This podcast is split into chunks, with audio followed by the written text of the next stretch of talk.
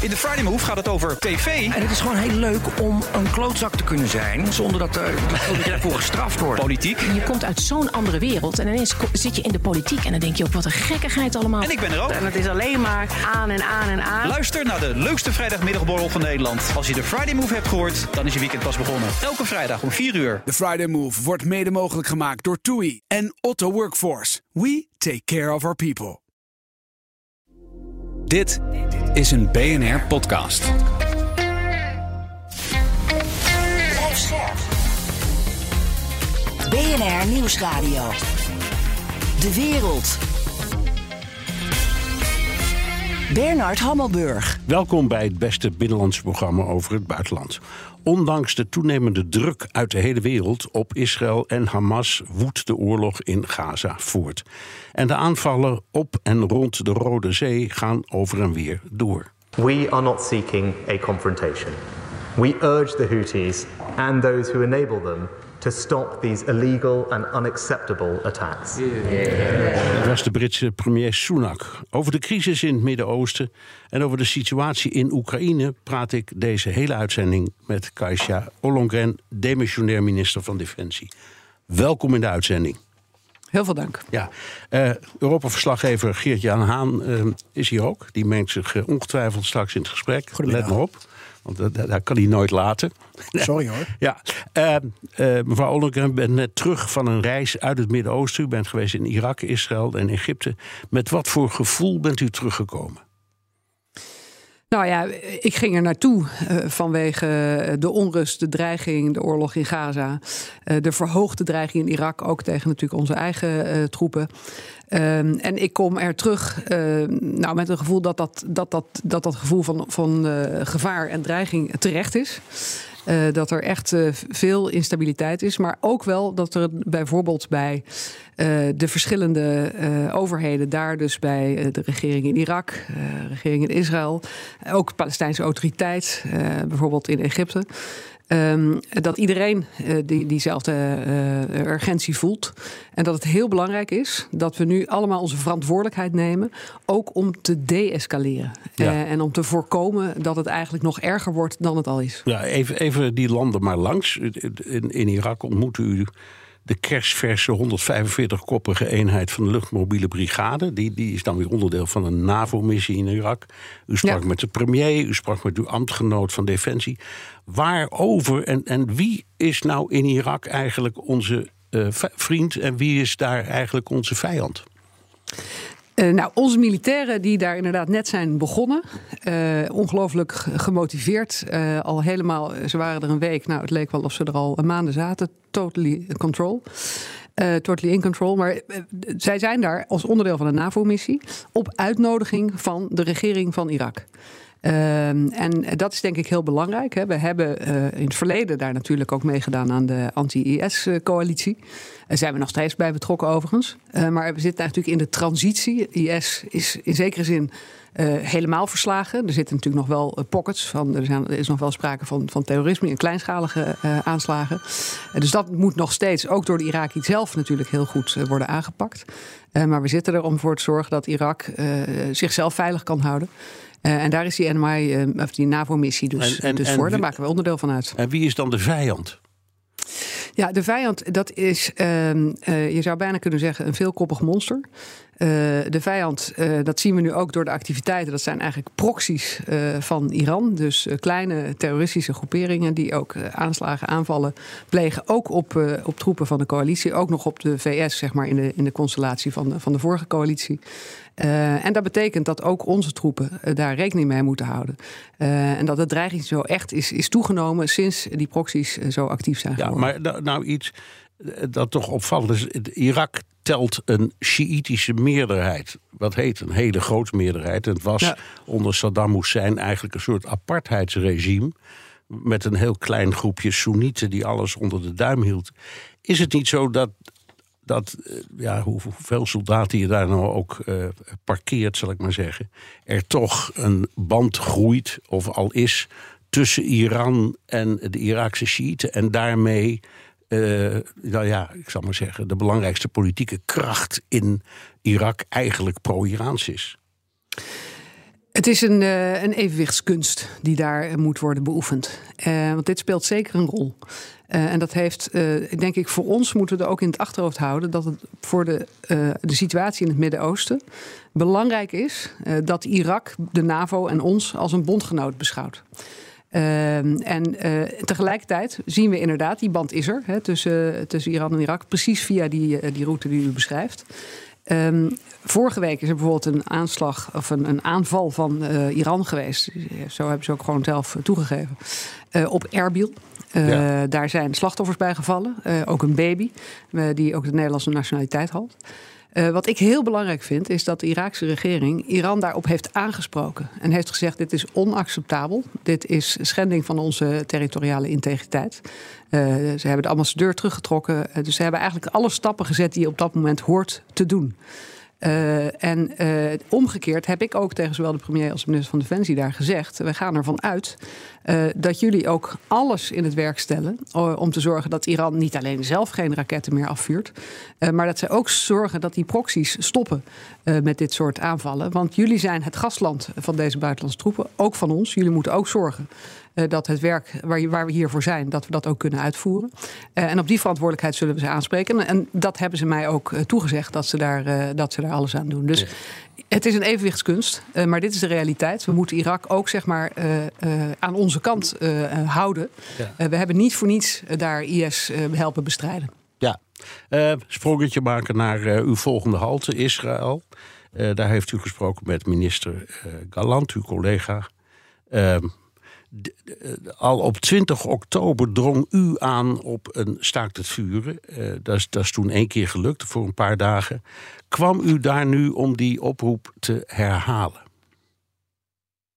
Nou, ook. Um, ik um, ben in september daar geweest. Dat was dus voor uh, de verschrikkelijke terroristische aanslagen van 7 oktober. Toen hebben we toen ook veel gesproken over de hele veiligheidssituatie in en om Israël heen. Um, en nu uh, heb ik inderdaad uh, gaandeweg uh, steeds laten weten, want daar hoef je niet ook iedere keer voor face-to-face -face contact te hebben. Er zijn ook andere manieren om met elkaar contact te houden. Laten weten dat met alle begrip dat we hebben voor het feit dat Israël zich weer veilig wil voelen en dus de dreiging van Hamas wil uitschakelen, dat er echt veel burgerslachtoffers vallen en dat bovendien de humanitaire situatie in Gaza uiterst zorgwekkend is. En dat, en dat is het standpunt ook van, van het kabinet, dat we vinden dat er om die reden een onmiddellijke humanitaire gevechtspauze moet komen om dat mogelijk te maken. en dat we ook denken dat dat een opstap zou moeten zijn om ook na te denken over wat is dan een duurzame oplossing. Want ja, maar, maar ik heeft, denk dat, begrijp, dat iedere, u... iedere, minister van Defensie weet dat uiteindelijk er is er niet alleen een militaire oplossing nee, voor de situatie. Zeker niet. Zeker niet. Nou, er, wordt ook, er gebeurt van alles op de achtergrond. Ja. Um, er wordt gesproken over um, een nieuwe gevechtspauze van één of twee maanden. Dat is dan ook niet helemaal duidelijk. En dan zouden de gijzelaars kunnen worden uitgeruild tussen een enorme hoeveelheid, misschien wel honderden of duizenden zelfs, uh, Palestijnse uh, gevangenen in Israël. Um, hebt u daarover gesproken en hebt u daar ook over gehoord, over deze kwestie? Want dat is echt het, uh, nou, ik zal maar zeggen, de hot news of the day. Ja, nou kijk, ik kan zeggen, ik, ik heb een heel uh, open en echt indringend gesprek uh, hebben we gevoerd met elkaar. Dat, dat moet kunnen, dat kan ook. Maar dat betekent uh, altijd dat het een beetje ruzierig ging, als u het zo nee, formuleert. Zeker, nee, dat zo, zo zou ik het niet willen, willen formuleren. Maar wel een, een, gesprek waarin je tegen elkaar kunt zeggen hoe, hoe je erin zit. en ik kan eigenlijk alleen maar voor mezelf spreken. Ik kan natuurlijk niet hier uit de doeken doen wat hij me allemaal wel of niet heeft verteld. Hè, maar inderdaad, we kunnen denk ik ook concluderen, gewoon ook uit de berichten in de media, dat dit soort wegen worden verkend, moeten worden verkend. Want inderdaad, het is natuurlijk ongelooflijk belangrijk dat die gijzelaars vrijkomen. Het is ook ontzettend belangrijk dat Hamas stopt uh, met, uh, met hun, uh, hun handelingen. en het is ook belangrijk dat er een, een vorm van, van bestuur is in Gaza. dat nu in eerste instantie kan zorgen dat die humanitaire hulp gewoon aankomt. Dat de mensen daar weer een klein beetje kunnen, kunnen herstellen van waar ze in zitten. Maar ook op termijn uh, een bestuur waarmee gesproken kan worden over wat is dan voor de toekomst uh, de oplossing voor Gaza. Ja, er was uh, één, één lid van dat oorlogskabinet, Gadi Eisenkot, de oud-opperbevelhebber van de krijgsmacht, nu minister in dat oorlogskabinet, heeft trouwens in deze oorlog een zoon verloren. Dus het is, Ja, niet, klopt. het is nogal wat. En die gaat eigenlijk tekeer tegen Netanyahu. Die zegt tegen Maar ja, het Israëlische volk, die man liegt. We kunnen die oorlog helemaal niet winnen. Er moet onmiddellijk een wapenstilstand komen, is de enige oplossing. Ehm, en dan kun je ook die gijzelaars misschien vrij krijgen. Dat is nog wat, als iemand in het kabinet met zo harde kritiek komt. Ehm, eh, heeft, heeft u dat met meneer Galland besproken? Nou ja, nogmaals, ik kan niet hier zeggen wat ik precies uh, heb gesproken met de, met de Israëlische minister van Defensie. Maar het is wel duidelijk dat er in Israël en ook in het kabinet uh, discussie uh, wordt gevoerd. Dat was overigens ook al eerder zo, hè, want ook voor 7 oktober. toen waren er grote protesten in Israël tegen de regering. Ook tegen bepaalde veranderingen, juridische veranderingen. die niet grondwettelijk waren in de ogen van degene die protesteerden. Daar heeft de minister Galland toen ook duidelijk positie in ingenomen. Ja, sterker nog, hij, is, hij is ontslagen en weer teruggenomen. Klopt, ja, ja precies. Ja. Dus ik denk een van de redenen uh, waarom je uh, dit soort gesprekken ook juist met hem uh, goed moet voeren. Ja, um, nog even iets wat ons opviel. En Geert-Jan, die hier naast me zit, en ik had het daar vanmorgen nog over.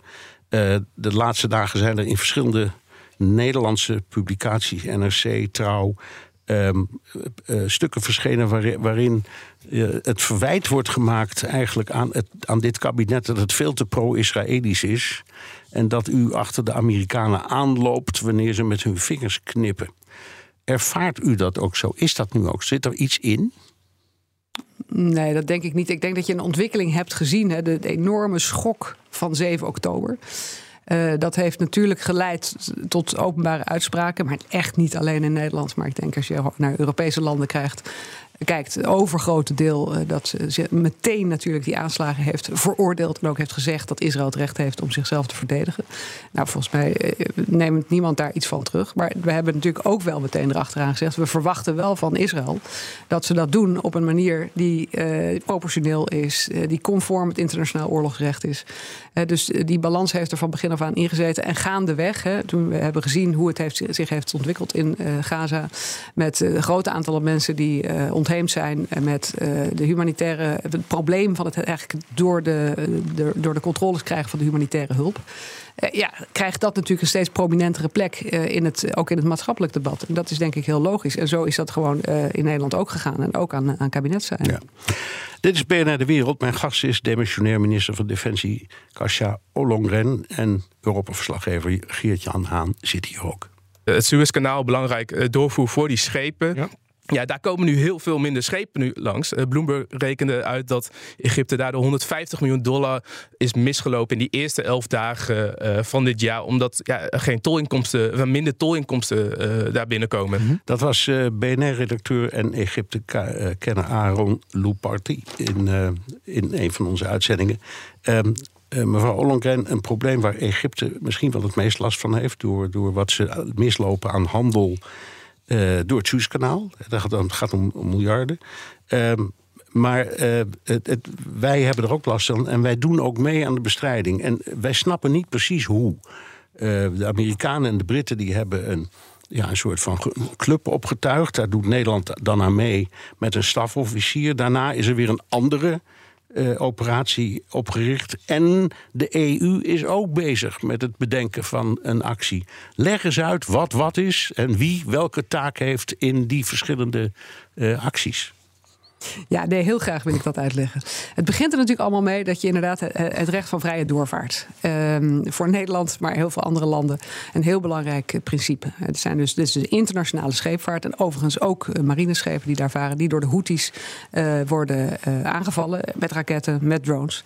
En dat kan gewoon niet. Dus de internationale gemeenschap heeft meermaals de Houthis opgeroepen om daarmee te stoppen. en er zijn nu eigenlijk drie coalities, zou je kunnen zeggen. De eerste de Prosperity Guardian heet die, door de VS geleid. Uh, een missie om de scheepvaart te beschermen. He, dus uh, als de raketten komen, ze uit de lucht te halen, zodat ze die, raketten niet, of zodat ze die schepen niet, uh, niet kunnen bedreigen en beschadigen. daarvan hebben wij meteen gezegd, daar doen wij aan mee. en met onze flink aantal andere landen, daarvoor leveren we twee stafofficieren. Uh, daarna, uh, nadat we dus vaak hadden gewaarschuwd en er ook in de VN-veiligheidsraad over was gesproken, de resolutie is aangenomen, hebben de Amerikanen en de Britten gezegd: we vinden ook dat als we zeggen jullie moeten stoppen, dat het ook consequenties moet hebben op het moment dat het toch doorgaat. en dat is wat nu eigenlijk loopt. Daar neemt Nederland ook aan deel met één stafofficier. met een aantal andere landen. En het derde onderdeel, dat moet nog beginnen, maar daar worden nu wel de besluiten over genomen. Dat is een Europese missie. Ehm, omdat wij Europees eigenlijk al, ja, laten we zeggen, één uh, zeestraat verderop actief waren. In de straat van Hormuz, om daar de scheepvaart te uh, beschermen. in Brussel gezegd, de hoogvertegenwoordiger heeft gezegd... nou, ik vind dat we ook moeten kijken of we dat in, voor de Rode Zee kunnen doen. zo ontzettend belangrijk voor ons in Europa, voor de handel. En we kunnen dus inderdaad, wij moeten daar onze eigen verantwoordelijkheid in nemen. en dat wordt nu ook opgezet. En dit is allemaal nodig om het principe van de vrije doorvaart. En dus voor onze handel. Want het is Egypte, eh, zeg maar, voelt het rechtstreeks omdat ze die tolinkomsten niet krijgen als die schepen niet door dat Suezkanaal gaan. Maar we voelen het allemaal. Want als je dus helemaal moet omvaren via uh, ja, de route zeg maar Zuid-Afrika, Kaap de Goede Hoop. Ja, dat kost uh, 10 tot 14 dagen extra als ik het goed heb begrepen. Nou, dat wordt natuurlijk allemaal doorgeprijsd. Uh, en daar, daar hebben we last van. En dat, dat, dat kunnen we op deze manier niet laten gebeuren. Ja.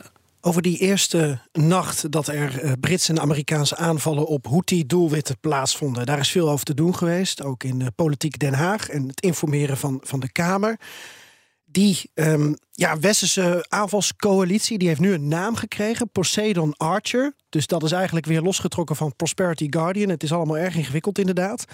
En wij vroegen ons af, heeft Nederland nou um, getekend en, en, en steun toegezegd alleen voor die eerste aanval op de Houthis? Of is sindsdien elke aanval die is uitgevoerd ook ondersteund door Nederland?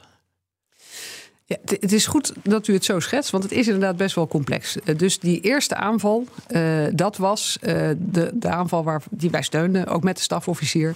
Uh, waarvan we gezegd hebben, dit is rechtstreeks het gevolg van het feit dat de Houthis gewoon door zijn gegaan met het plegen van de aanvallen. Ondanks de waarschuwingen die zijn afgegeven door de internationale gemeenschap. Er zijn ook een paar, zeg maar, defensieve acties geweest van de Amerikanen, waarin, ze zagen van, nou, we worden nu, de voorbereidingen worden getroffen voor het afschieten van, van de raketten. Dat voorkomen wij. Er is ook een tweede aangeval geweest. Ook daar maken wij onderdeel uit van de coalitie met, met onze stafofficier. En wij hebben gezegd, wij maken hier onderdeel van uit... zolang aan onze voorwaarden wordt voldaan.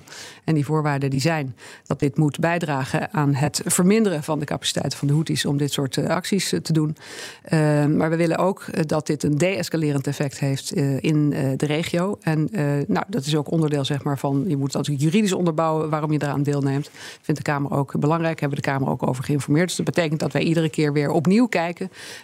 Kunnen wij en willen wij onderdeel blijven van, van deze offensieve coalitie. Maar niet voor elke aanval, toch? Want afgelopen nacht is er ook een aanval geweest. En ik geloof niet dat u dan vooraf de Kamer om toestemming heeft gevraagd of geïnformeerd. Nee, nou, met de Kamer, dat is belangrijk om te weten... dat bij het leveren van een stafofficier... dus geen operationele steun, maar niet-operationele steun... is de afspraak ook met de Kamer dat dat een andere procedure doorloopt... dan, zeg maar, dan, de, dan de hele officiële artikel 100-procedure... als je dat wel gaat uh, doen. Uh, en de Kamer is geïnformeerd. Het was geloof ik midden in de nacht inderdaad op het moment dat de aanval had plaatsgehad. Omdat je ja, om operationele redenen, om de hele operatie niet in gevaar te brengen, kun je niet vooraf de Kamer informeren. Nee, dat... en tegen de Kamer hebben we gezegd: wij blijven er onderdeel van. We blijven wel toetsen ja. aan de randvoorwaarden die daarvoor hebben gesteld. En als dat verandert, dan komen we weer bij ja, u terug. Ja, ja. Nu is het zo dat die, ik laat maar zeggen, de, de Brits-Amerikaanse operatie, die bestond dan eerst uit het uit de lucht schieten van aanstormende drones en raketten. Maar die is uitgebreid tot aanvallen op, op uh, plekken in Jemen. En de vraag is uh, of dat nu nog defensief is, of dat je dat een oorlogshandeling kunt noemen. Daar is, is de jury is er nog niet uit, zou ik maar zeggen. Uh, maar als ik dat heel even mag onderbreken, want dat is, het zijn dus twee verschillende uh, ja, ja, maar ik wou, laat me, twee verschillende coalities. Ja, maar ik wou even, even de, de vraag afmaken. Als een Nederlander eraan meedoet, stafofficier... Uh, ook als hij niet operationeel meedoet, dan is hij toch impliciet in elk geval medeplichtig. Nou, kijk, laten we nou niet hebben over medeplichtigheid. Wij hebben een, er zijn twee operaties. Uh, Prosperity Guardian is defensief. Daar zitten we met twee stafofficieren in. De andere, de offensieve operatie van de coalitie, uh, geleid door de Verenigde Staten en met steun operationeel ook van het Verenigd Koninkrijk.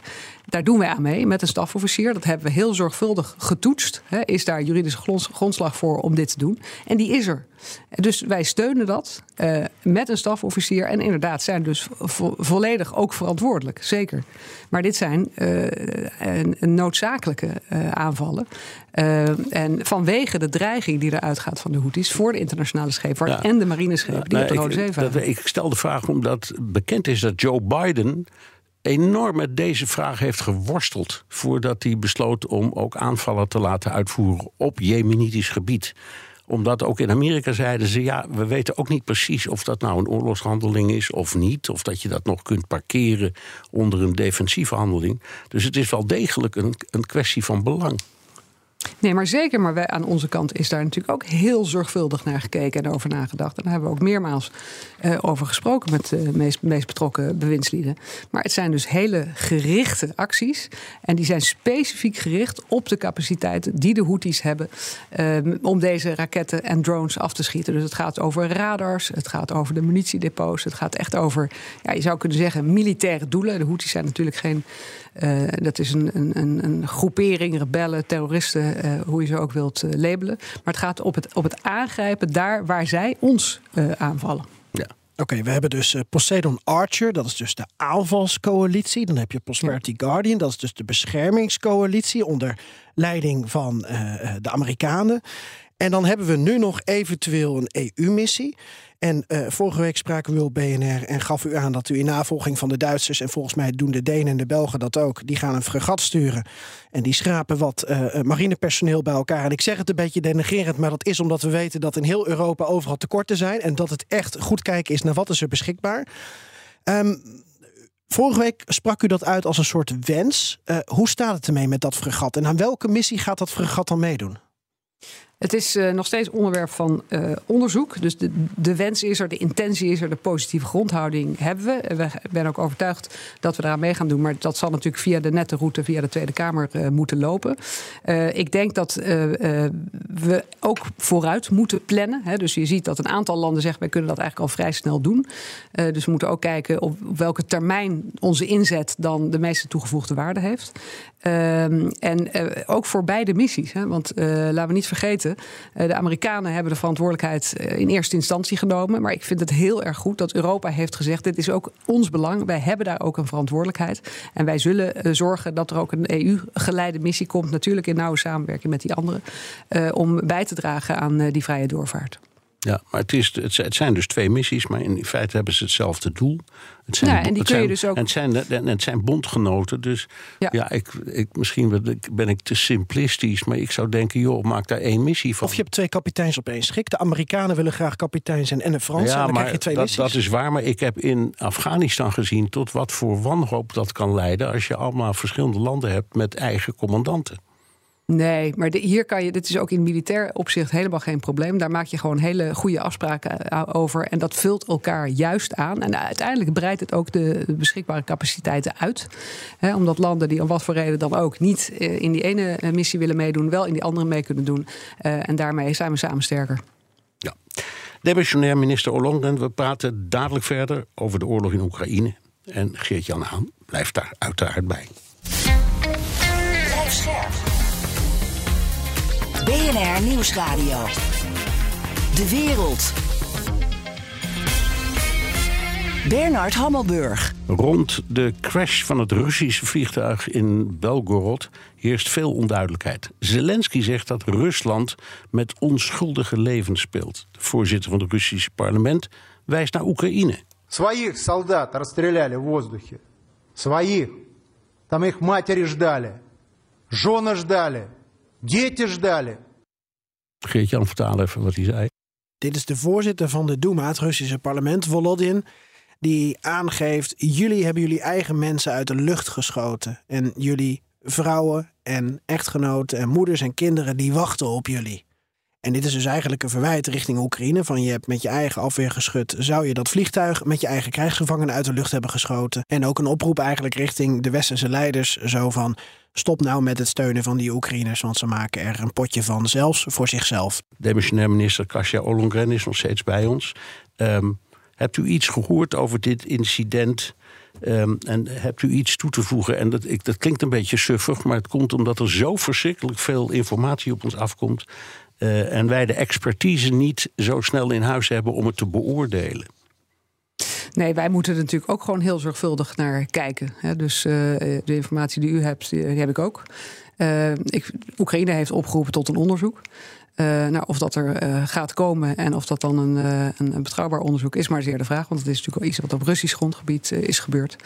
Ja. dus, Zwarte dozen zijn gevonden trouwens. Dat is, ja. dus de Russen kunnen aan de slag met hun onderzoek. Maar die hebben ook de Veiligheidsraad bijeengeroepen. Dat gebeurt waarschijnlijk vandaag. Uh, en gisteren heeft Lavrov van Buitenlandse Zaken een enorme aanval gedaan op Oekraïne. Uh, allemaal de schuld van de Oekraïne, die hebben het ook gedaan. Afijn, daar komt een, een veiligheidsraad uh, bijeenkomst. Nou ja, dat kan allemaal, dat mag allemaal. En dat moeten ze vooral doen als ze dat willen. De Russen, uh, Poetin, dit regime heeft wel heel erg de schijn tegen. En daarom is ben ik een beetje sceptisch over dat onderzoek. Van, we, we, hebben natuurlijk geen enkele manier om straks te toetsen... of wat er uit zo'n Russisch onderzoek komt, of dat ook klopt. maar goed, laten we vooral kijken ook wat, wat we zelf en de veiligheidsdiensten... straks concluderen op basis van wat we wel weten. Nou, misschien daar één ding over vragen. Omdat veel mensen, toen ze deze beelden zagen en het verhaal hoorden... en ook de enorme golf van informatie die over ons heen kwam en desinformatie. Uh, gingen gedachten, zeker in Nederland, terug naar uh, MH17. Ja. En uh, u geeft al aan, Rusland heeft de schijn tegen. Dat, dat geldt eigenlijk ook op het gebied van, van de informatievoorziening. Dat wat er vanuit Rusland via het ministerie van Defensie aan staatspersbureaus de wereld wordt ingeslingerd. Neemt u dat dan voor waarheid aan? Nee, zeker niet. Ik denk dat het ook heel verstandig is dat niemand dat doet. Uh, omdat we gewoon weten uit het verleden uh, dat ze dat uh, ja, manipuleren, gebruiken voor propagandadoeleinden. de waarheid is, is helemaal niet relevant. Het enige wat voor hun relevant is, is het beeld wat zij graag willen schetsen. en dat neemt niet weg dat natuurlijk allemaal we graag willen weten hoe dit, wat er is gebeurd en hoe dat dan precies is gebeurd. En ik zeg alleen, daarvoor kunnen we zeker niet alleen vertrouwen op wat de Russen ons vertellen. Nee, we gaan met uw goedvinden kijken naar de de oorlog in Oekraïne. Uh, Oekraïne krijgt het steeds lastiger. Zelensky blijft roepen om steun, maar krijgt lang niet altijd zijn zin. En op het slagveld zien we eigenlijk geen verschuivingen. Bent u nog altijd optimistisch of luistert u ook naar het toenemende koor van pessimisten? Ja, de vraag is of dat zin heeft om uh, optimistisch of pessimistisch te zijn. Ik denk nou, dat realistisch, hè? De minister ja, behoort realistisch. Ja, precies, okay. precies. Ja. Nou ja, dus ik denk inderdaad dat dit allemaal toont aan hè, dat we de oorlog uh, lang uh, kan duren, kan blijven duren. En dat Oekra Oekraïne alleen kan blijven doen wat ze doen als ze gesteund zijn door, worden door ons. Uh, door al die bondgenoten. We hebben laatst weer een vergadering gehad van de, de UDCG. Dat is uh, de, de groep van landen die iedere zes weken ongeveer bij elkaar komt om te praten over de, de militaire steun die we kunnen geven. en die eenheid en die onderlinge solidariteit en solidariteit met Oekraïne, die is ontzettend belangrijk, juist nu. Ja. Maar je hoort steeds, ook van de Oekraïners en ook eerlijk gezegd van de mensen die bij het uitvoeren van de afspraken betrokken zijn, dat heel veel steun er wel komt, maar steeds maar te laat. Is dat iets waarin wij collectief falen? Um, nou ja, kijk, dingen kosten wel tijd. Hè? En we, we proberen op alles maximale druk te zetten. Maar neem nou bijvoorbeeld de F-16's. Toen we uh, eenmaal aan, aan onze kant, uh, samen met de Amerikanen en Denen, uh, dat besluit konden nemen om de F-16's te gaan leveren en te gaan beginnen met trainen en alles gereed te maken. Toen wisten we al dat daar echt tijd overheen zou gaan. Want uiteindelijk lever je een wapensysteem ehm, wat alleen maar zin heeft als ze ook echt alles ermee kunnen. Um, dus is het dan te laat? Nou ja, uh, het kost nou eenmaal tijd. Nee, maar dat, nee, maar dat begrijp ik. Dat, dat, is, dat is volkomen terecht. Maar wat te laat was, was het besluit om het te doen. Want dat lag er al maanden en het is steeds tegengehouden. En op een bepaald moment zijn Amerika en Nederland en Denemarken een aantal landen omgegaan. Ja, ik denk dat je ziet dat aan het begin van de oorlog, uh, van deze oorlog, van de grootschalige invasie, ik uh, denk dat iedereen dacht, nou, F-16's, dat is echt totaal buiten de orde, dat, uh, dat gaan we niet doen. Hè? Dus toen was er een soort idee, we gaan ze wel helpen, maar we moeten niet aan, aan dat soort wapensystemen denken. En we zijn natuurlijk heel snel van, van het idee van, nou, als we wat antitankwapens sturen, dan redden ze zich wel, naar het beeld gegaan van, nee, we moeten echt ook de zwaarste conventionele wapensystemen ter beschikking stellen. De tanks, hè, dat kostte ook even tijd, maar daar hebben we ook een besluit over genomen. Hetzelfde geldt voor die F-16's. Uh, en de vraag is, hadden we op dat moment, hè, dus bij wijze van spreken 25 februari 22, toen al uh, tot zo'n besluit kunnen komen? Uh, en ik denk het niet. En de realiteit is ook dat wij ook steeds gezegd hebben. Ik denk dat wij daar best een, een, een stuwende kracht in zijn geweest. Het is een Amerikaans wapensysteem, dus Washington moet het ook echt willen. Niemand kan hier iets in zijn eentje besluiten. Dus het voordeel van veel landen is dat je uiteindelijk op veel kunt rekenen. Het nadeel is dat het soms wat tijd kost voordat die landen inderdaad overeenstemming Natuurlijk, en, en, en het mooie van de NAVO, en trouwens ook van de EU, dat zijn verenigingen van democratieën. Dus die hebben allemaal hun eigen tempo en gewoontes om, om dingen goedgekeurd te krijgen. Dat begrijpen we ook allemaal wel. Maar, maar, als je Zelensky bent en je denkt: ik heb het zo hard nodig en ik zit erop te wachten. en al wat ze doen is debatteren in derlui uh, uh, Tweede Kamers en congres halen. dan kan ik me voorstellen dat dat leidt tot ongelofelijke frustratie. Ja, en Bernard, Zelensky weet ook dat het even duurt voordat een, een tank, een vliegtuig, een vest... dat we begin februari 2022 kwamen brengen... dat het even duurt voordat het van punt A op punt B in Dnipro... of ergens in Oost-Oekraïne is. Ik denk dat de onderschatting, maar ik ben benieuwd hoe mevrouw Ollongren daarnaar kijkt... Eh, hebben we niet gewoon die hele logistieke operatie onderschat met z'n allen... en gaat dat vanaf nu dan dus ook sneller? Ja, kijk, eh, u noemt Zelensky. Je zal maar een soldaat aan het front zijn. Dus natuurlijk, en daar ben ik me ontzettend van bewust. Ik heb ook vorige week weer een aantal Oekraïnse veteranen gesproken. Uh, mensen die uh, een been zijn verloren. Een, een, vrouw, zelf veteraan, die haar zoon is verloren. Dus die urgentie die voelen we natuurlijk enorm.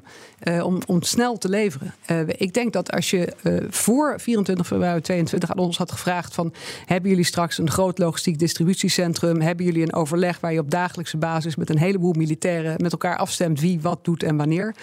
Uh, nou, dat hadden we helemaal niet voor mogelijk gehouden. Dat is er nu allemaal.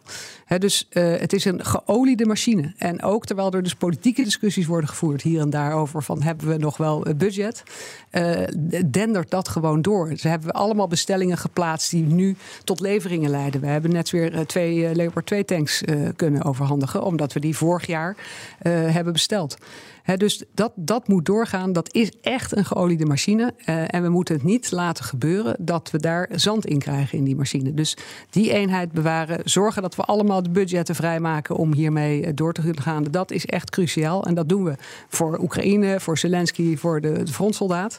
Maar we doen het natuurlijk ook voor onszelf. Ja. Want het gaat ook over onze veiligheid. Ja, ja wij zijn uh, een van de leveranciers van uh, uh, Patriot. gevechtsafweersystemen. Um, maar die dingen die hebben raketten nodig en daar is gebrek aan. Um, voert Nederland de leverantie daarvan op? Nee, wij zijn inderdaad uh, een van uh, de leveranciers van, van Patriot-systemen en raketten. Dat is een schaarse capaciteit, ook binnen de NAVO. Nederland is een van de landen die het wel heeft. Er zijn er veel die het niet hebben. Luchtverdediging blijft voor Oekraïne cruciaal in deze oorlog. Um, wat we nu hebben gedaan, en dat vind ik echt een enorme stap vooruit. Uh, we hebben nu dankzij uh, Duitsland en nog een paar landen uh, de afspraak kunnen maken dat er een productielijn in Europa van Patriot-raketten zal worden geopend. en betekent dat we een substantiële stijging zullen zien van, van de productie daarvan. Want ook hierbij geldt er is gewoon te weinig. Uh, en die schaarste moet je zo goed mogelijk verdelen. Het is wel duidelijk dat ze in Oekraïne er wel raad mee weten. Dus uh, die Patriot-rakettensystemen doen daar ontzettend goed dienst. Ja, dat is waar. En we, we moeten natuurlijk ook aan onze eigen verdediging denken. Want artikel 97 van de grondwet zegt dat de krijgsmacht er is om het vaderland te beschermen. En trouwens ook om de internationale rechtsorde te handhaven. Maar dat doen we dan. Dat laatste doen we heel braaf. Maar ik heb veel, vaak de indruk dat dat eerste deel van dat artikel 97... dat we daar op dit moment helemaal niet aan kunnen voldoen. Nou, kijk, volgens mij is de allerbeste verdediging van Nederland is het feit dat we dat met andere landen doen. dus dat wij uh, lid zijn van de NAVO al vanaf het eerste uur. Uh, onderdeel uitmaken van de Europese Unie. Uh, ontzettend goede samenwerking hebben met de krijgsmacht, met de Duitsers, met de Britten, met de Belgen en anderen. zo verdedig je Nederland. En, maar we moeten daar natuurlijk onze verantwoordelijkheid ook in nemen. Dus zowel als het gaat over steun aan Oekraïne, maken we iedere keer die afweging. Dat is ook, krijg ik als minister van Defensie militair advies van, van de commandant der strijdkrachten over. dus dat absoluut speelt dat steeds mee. Maar wat ik al zei, ook voor onze veiligheid. de grootste dreiging op dit moment voor onze veiligheid is eigenlijk als Oekraïne deze oorlog verliest. Uh, en als Poetin denkt, kijk, dit werkt dus uh, en hier ga ik mee door. Uh, zoals bekend heeft hij wel eens gezegd dat niet alleen Georgië Moldavië, maar ook bijvoorbeeld de Baltische Staten in zijn ogen gewoon bij Rusland horen. Nou, dan, dat zijn NAVO-lidstaten. Dus dat betekent dat artikel 5 wordt getriggerd. we weten dat Finland is toegetreden omdat ze zich echt niet veilig meer voelden zonder onderdeel te zijn van de NAVO. Nou, Zweden staat nu ook op de drempel. dus de wereld ziet er echt wel wat anders uit nu. Ja toch, um, ruim een half jaar terug, toen sprak ik uh, premier Mark Rutte. Die legde me uit dat Nederland inderdaad een belangrijke rol speelt in die Patriot-coalitie. Um, en dat we willen dat naast Duitsland en Amerika ook andere landen meedoen. Want ja, dan kun je ook je eigen voorraad een beetje op peil houden. Je moet gezamenlijk spullen aan Oekraïne leveren, is het idee. En ik heb er eigenlijk weinig meer van gehoord. Is het nou um, u gelukt om dit bij uw collega's te regelen? Dat ook landen als Spanje en Griekenland, die ook over Patriots beschikken, dat die ook hun bijdrage leveren? Of zijn wij het nog steeds alleen maar met de Duitsers en de Amerikanen aan het doen? Nou, ik, ik, ik kan daar niet alles over zeggen. Uh, maar inderdaad, feit is wel dat we een gemeenschappelijk belang hebben. Uh, om te zorgen dat die uh, Patriot-systemen daar over voldoende raketten beschikken. en waar ze precies vandaan komen en, en, en hoe we dat met elkaar organiseren. ja, dat doen we voor een deel doen we dat gewoon achter gesloten deuren. En geen medestanders erbij dus. Nee, maar kijk, ik, eh, dat zeg ik niet. Ik zeg alleen, we, we, we, we doen alles. Uh, we praten met alle landen uh, om te kijken of er manieren zijn om of we onze eigen voorraden op tijd en, en sneller aan te vullen. Uh, meer te produceren of ja, via, via alle routes, via alle landen die dit soort systemen hebben, kijken we hoe we daar het beste mee kunnen omgaan. Dan is er nog een coalitie die zo heet, omdat wij daar voortrekker van zijn, de F-16-coalitie. En uh, ja, we hebben gehoord dat de inzet uh, pas eind dit jaar uh, ja, kan gaan beginnen. dat meldt het Pentagon ook deze week. Wat gaat hier mis? Nou, volgens mij gaat er veel goed. Uh, de trainingen zijn vorig jaar begonnen in Denemarken. Wij hebben inmiddels een Europees F-16 trainingscentrum. Dat is er nog nooit eerder geweest. Dat is er nu in Roemenië met uh, een aantal van onze F-16's. Uh, er wordt gewerkt aan de, de infrastructuur in, in Oekraïne. Er wordt gewerkt aan de mensen die ook het onderhoud moeten kunnen doen. Dus op dit moment wordt eigenlijk alles voorbereid. Zodat we straks ook in staat zijn om die F-16's daadwerkelijk aan Oekraïne te leveren. En zodat zij dat onderdeel kunnen laten zijn van hun luchtmacht. En dus van hun, ja, hun, hun, zeg maar, versterking van het verdedigen ook van het luchtruim. Ja, maar de deadline lijkt telkens te verschuiven. Van voorjaar 2024 naar najaar 2024. Nu weer eind 2024. 2024, dan, dan duurt iets toch langer dan gepland? Ja, kijk, onze planning is, uh, is nooit veranderd. Dus onze planning was eind vorig jaar wilden we graag dat trainingscentrum gereed hebben. Dat is gelukt. Uh, we wilden nu in het voorjaar uh, vooral kijken van hoe kunnen we nou zoveel mogelijk Oekraïners ook opleiden. in samenwerking met de andere landen die dit doen. dat loopt ook op schema. Dus het gaat natuurlijk ook over het daadwerkelijk kunnen overdragen van, van de F-16's. Uh, wij hebben steeds gezegd, ja, dat hangt voor ons ook samen met onze uitfasering van de F-16 en het infaseren van de F-35. Uh, dus in, volgens mij in zijn totaliteit loopt het eigenlijk op schema. Natuurlijk is er gehoopt hè, dat dingen misschien nog sneller zouden kunnen. Uh, en dat is prima, want dan zet je ook een beetje druk erop. Maar ik denk dat de realistische planning steeds is geweest in de loop van dit jaar. Zover zijn. En ik, ik, denk dat dat ook nog steeds haalbaar is. Dus wanneer vliegt de eerste Oekraïense vlieger met een F-16? Nou, het lijkt me dan verstandig dat ik daar niet een nog preciezere voorspelling voor Nee, dan krijgen we weer een deadline die misschien... Uh... Nou, de vraag, de, de vraag is misschien in anders. In, in, in Roemenië zal dat wel snel het geval zijn. Maar in Oekraïne, dat zal nog wel een tijdje duren. Ja, ja. Nou ja dat is Want hij moet, hij moet echt wel even lessen hoor, op zo'n ding. Je moet niet alleen kunnen vliegen, nee. zal de, uh, een F-16-vlieger uitleggen. Je moet er ook mee kunnen vechten. Ja. ja, je moet met de snelheid van anderhalf mag dat is anderhalf keer de snelheid van het geluid, op 100 meter hoogte over de grond kunnen vliegen. Dat is echt, dat is echt moeilijk hoor. Ja, nee, het is ook niet, voor, niet voor niks dat ze ze zo graag willen hebben natuurlijk. Hè? Nee. Het is echt voor hun een enorme stap, ja, is, uh, stap is, vooruit. Oké. Okay. Dit is BNR De Wereld. Mijn gast is demissionair minister van Defensie, Kasia Ollongren. Akartak is adni 50 milliárd eurót az ukránoknak. Ukrajnának, és mondtam, hogy na ez már egy konkrét jogsérelem, álljunk meg, ezt meg kell vétóznom, ami persze jogilag nem vétó. Hongaarse premier Orbán ligt nog altijd dwars over de Oekraïne gelden. Daar is de volgende week, in, eh, daar is volgende week een EU-top over. Uh, mevrouw Ollengren, nu hebben we in Nederland verkiezingen gehad met daarin een grote politieke verschuiving. We zien ook in andere Europese landen dat populistische partijen aan invloed winnen. Om nog maar niet te hebben over eventuele terugkeer van Donald Trump in de VS. U hebt eerder gezegd um, dat het toekomstige kabinet de afspraken van de NAVO-top moet nakomen. Wat verwacht u nog meer van het nieuwe kabinet? Ja, doorgaan met de steun aan Oekraïne. Dus die twee dingen, de afspraken van de NAVO, de 2 procent. Uh, dat betekent dat er gewoon structureel eh, geld bij moet bij Defensie. Want wij hebben voor dit kabinet, hadden we voor deze kabinetsperiode de, de 2% ingeboekt. Uh, ik wilde eigenlijk net beginnen aan nadenken hoe we dat financieel konden regelen voor wat langere termijn. Toen viel het kabinet. dus dat kon niet meer. Maar dat moet echt geregeld worden. Dat is cruciaal. En die 2% misschien ook goed om te zeggen, is een ondergrens. Dus het is niet zo dat als we 2% hebben, dat we weten dat het genoeg is. Het is een ondergrens. Uh, en het zou best eens kunnen dat het uh, niet genoeg is. Nee. Uh, en de steun voor Oekraïne, ja, dat is natuurlijk ook heel urgent. Dat, is, dat heet dan incidenteel geld. Hè. Dat hebben we voor dit jaar hebben we 2 miljard ingeboekt. Dat is nou, over de afgelopen twee jaar ook wel een beetje wat we dan gebeeld zouden hebben uitgegeven. Maar ook daarvan vraag ik me af of dat voldoende is. Ja. En ik denk dat het cruciaal is, ook in de richting van de partners, maar ook in de richting van Oekraïne. Ja. Dat het nieuwe kabinet, ja, dat een van de eerste dingen wat mij betreft die ze doen, is zeggen, daar, daar gaan we mee doen. Ja, en we zijn benieuwd. VVD, BB BBB en NSC uh, eh, hebben laten doorschemeren dat ze de steun aan Oekraïne echt wel belangrijk vinden. Uh, bent u bang dat uh, als de formatie met de PVV slaagt aan die steun, dan toch geknobbeld, geknabbeld of getornd gaat worden? Nou ja, ik ben er wel uh, bezorgd over. Want de Wilders heeft daar natuurlijk helemaal geen enthousiasme voor aan de dag gelegd. Sterker nog, is eigenlijk gewoon tegen. ik heb wel vertrouwen in de, de, andere drie partijen die daar heel duidelijk over zijn geweest. Maar goed, een, een coalitieonderhandelingen zijn onderhandelingen. Het is natuurlijk heel belangrijk dat er dan op dit punt geen water bij de wijn wordt gedaan. Nee. Nou ja, hetzelfde speelt natuurlijk in Amerika. Uh, waar Trump heel duidelijk zegt: Ik zou niet weten waarom wij uh, ons daar druk over moeten maken. En de, de, de opmerkelijk grote fractie, ook in de Senaat, wat niemand eigenlijk had gedacht, maar zeker in het Huis van Afgevaardigden, die volgt hem daarin. Dus daar is de, de hulp aan Oekraïne echt in gevaar. Wat betekent dat? Ik herinner me dat wij, u en ik, spraken elkaar in september in New York. Um, en toen hield u een lezing, uh, ik geloof op Columbia University, maar dat weet ik niet meer zeker.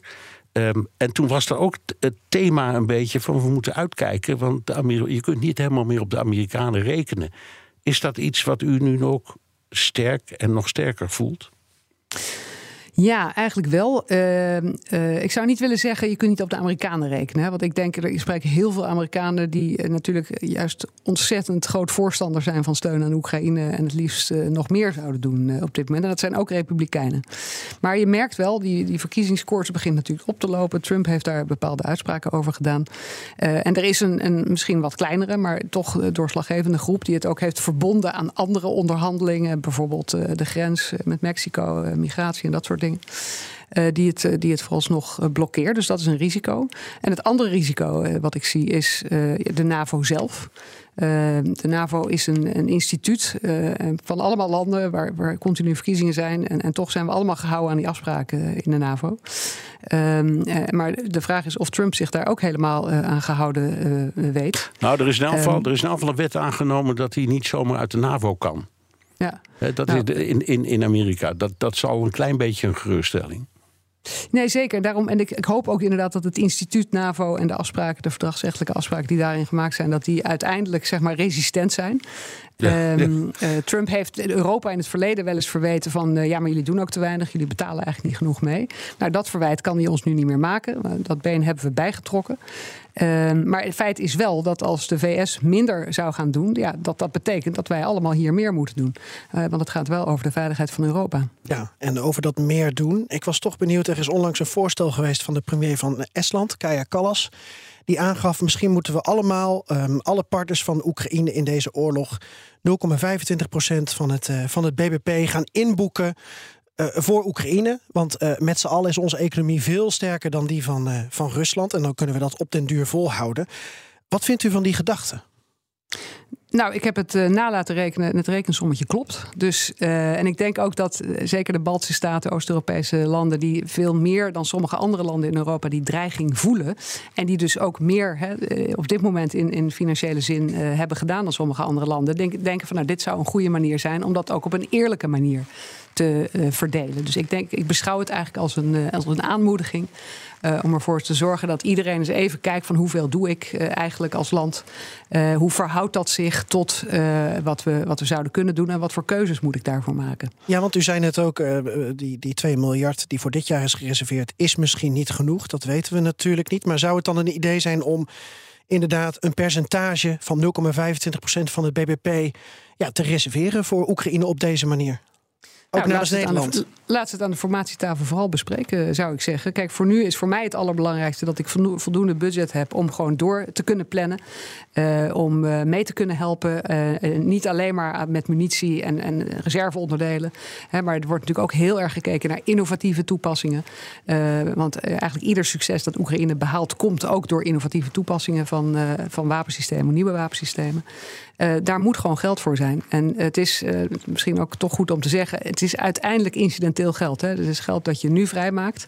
En als de oorlog straks afgelopen is, als Oekraïne uh, moet opbouwen om NAVO-bondgenoot te worden, dan kijken we weer tegen een hele andere situatie aan. Dus ik vind het idee goed, interessant, lijkt me iets voor de formatie. En voor nu hoop ik gewoon dat het kabinet en de Kamer voldoende budget beschikbaar blijven stellen om die steun te blijven geven. Nou, omdat we toch al met bedragen strooien. Tot slot 50 miljard euro. Dat staat er volgende week bij de speciale Europese top op het spel. Gaat er 50 miljard euro naar Oekraïne of niet?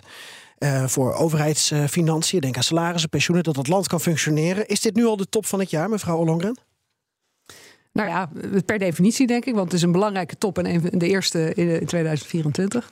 Maar ook heel belangrijk, omdat in december wel een besluit kon worden genomen over de, de toetreding van Oekraïne. Uh, nog niet over dit geld. Uh, dat is toen even uh, geparkeerd. maar daar, ik vind het ontzettend belangrijk dat daar een besluit over komt. Dank. Kasia Ollongren, demissionair minister van Defensie. Dank ook aan Europa-verslaggever Geert-Jan Haan hier in de studio. Tot zover BNR De Wereld. Terugluisteren kan via de site, de app, Spotify of Apple Podcasts. Reageren kan via een mailtje naar dewereld.bnr.nl. Tot de volgende week. Omdat u compliant en in controle wilt zijn, zorgt Noordweef voor een altijd soepel draaiende security office. Met uw eigen CISO of die van ons. Ga voor meer cyber resilience ook naar noordweef.nl.